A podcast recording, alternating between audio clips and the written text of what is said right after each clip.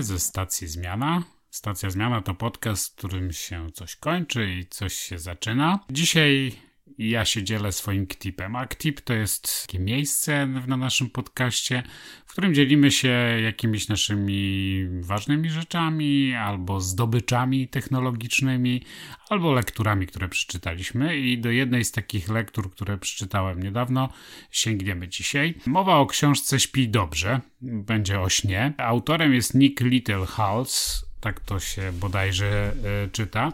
Nick sam siebie nazywa coachem snu i podobno jest twórcą w ogóle tego pojęcia czy tego zawodu. Zajmuje się już tym trzy dekady, no więc ukształtował zawód od początku i zasłynął innymi jako coach spania drużyny Manchester United, ale też i wielu innych e, sportowców, innymi drużyny narodowe Wielkiej Brytanii, czy właściwie to Anglii, bo oni mają osobne drużyny w rowerach i piłkarzy, ale też pracował dla Chelsea, Liverpool. Jest też przewodniczącym UK Sleep Council, cokolwiek to znaczy. Nieważne są może tytuły, w każdym razie nikt dużo wie o śnie. Kiedyś pracował w firmie, która produkowała łóżka i materace i sam zauważył wiele, dokonał ciekawych odkryć i z tymi odkryciami przyszedł do sportowców i ci sportowcy stwierdzili, że on rzeczywiście gada na rzeczy i te jego osiągnięcia można by było wykorzystać w osiągnięciu jakiejś ciekawej przewagi e, sportowej. To, to, o czym mówi ta książka, to to, żeby zajrzeć trochę inaczej, podejść do tego, do spania i, i, zwrócić na nie uwagę. Myśmy wielokrotnie już w podcastach mówili, kiedy było i trochę o sporcie, i o jedzeniu, e, i o różnych takich e, autoimmunologicznych chorobach. Mówiliśmy, że sen jest jednak bardzo ważną rzeczą poza dietą, poza uprawianiem sportu, poza aktywnością, poza pracą i często oszczędzamy właśnie na śnie, próbując dogonić różne rzeczy, próbując do późna coś robić w komputerze, próbując nadgonić jakieś zaległości towarzyskie.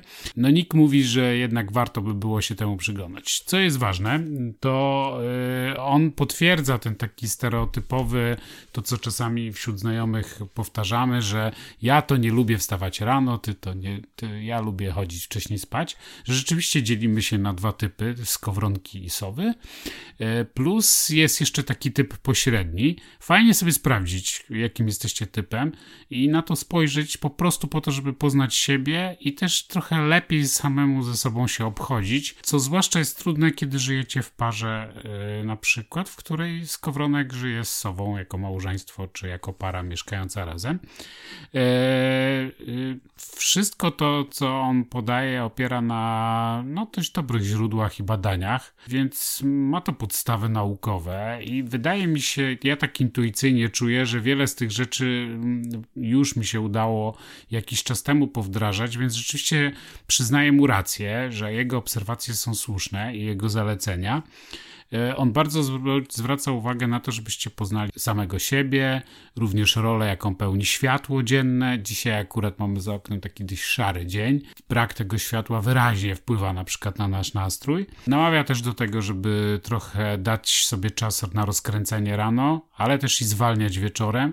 Generalnie to, czym on się zajmuje, musiało mieć profesjonalną oprawę, musiało zostać objęte opieką profesjonalistów właśnie z powodu tych wszystkich zabawek technicznych, wszystkich naszych smartfonów, komputerów, laptopów yy, i tabletów, bo to one sprawiły, że tak na de facto, w ogóle sztuczne światło sprawiło, że de facto zgubiliśmy ten podział na dzień i noc i on powoduje różne perturbacje w naszym organizmie.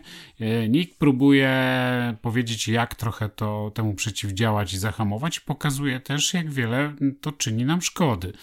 Dlatego na przykład postuluje 90 minut przed pójściem spać zupełnie odłożenie wszelkich rzeczy, które emitują takie niebieskie światło. Nie będę całej książki streszczał, doczytacie sobie w, to wszystko w książce, jeśli oczywiście będziecie mieli ochotę. On namawia do tego, żeby jednak podchodzić trochę planowo do snu. Bez żadnej wielkiej presji, ale jednak, żeby zwracać uwagę na pewne i, i, zmieniać swoje zwyczaje.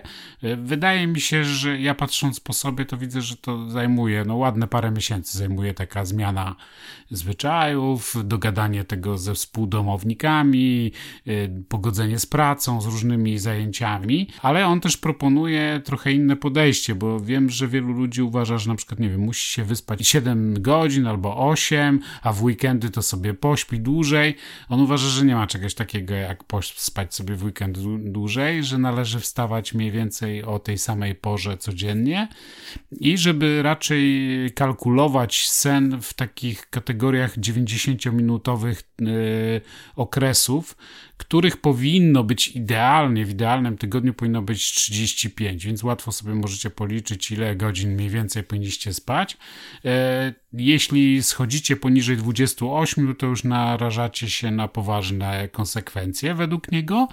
E, I ważne, żeby na przykład, że bywa tak, że macie noc, w której macie zarwaną, ale żeby trzy noce z rzędu nie, taki, do takich sytuacji nie dochodziło. To jest według niego to jest kluczowa cała rzecz. Jest też cały rozdział o drzemkach, jest też rozdział o dobieraniu materaca, z którego się dowiecie, że cena zupełnie nie ma znaczenia, ale na przykład wielkość tak. Czyli on proponuje, żeby jednak jak największy materac mieć w domu. I wiele, wiele takich cennych rzeczy, które część może się Wam przyda, część nie, może część Was będzie śmieszyła.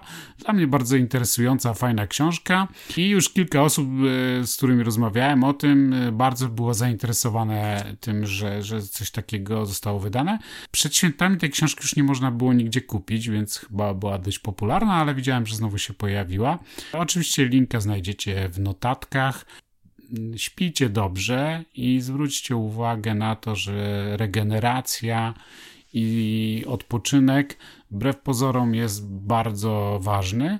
I jeśli podejdziecie do snu jako takiego, jak do tankowania na stacji benzynowej, że to jest taki czas, w którym wam się ładują baterie, w którym wam się uwalniają różne toksyny z mózgu, w których po prostu mózg przechodzi regenerację, bez której nie działa prawidłowo, w której wyrównują się te wszystkie hormony stresu, to zobaczcie, że to jest po prostu jedna z ważniejszych części waszego dnia i nie będziecie do tego podchodzić tak, że spanie to jest marnowanie czasu na niepotrzebną, tak zwaną nieaktywność. Dla mnie to tak, te, te mentalna zmiana w głowie to była najtrudniejsza rzecz. Podejście do tego, że sen to nie jest coś, co mi kradnie dzień, tylko sen jest po prostu częścią życia, którą muszę mieć, bo tak został gatunek ludzki stworzony, że musi sobie mózg regenerować kilka godzin dziennie, inaczej nie funkcjonuje odpowiednio, to zupełnie inaczej do tego podejdziecie czego Wam bardzo życzę.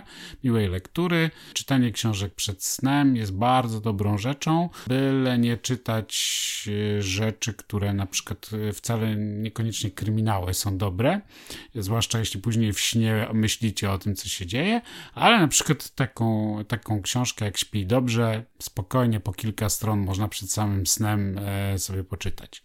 To tyle, na razie, hej.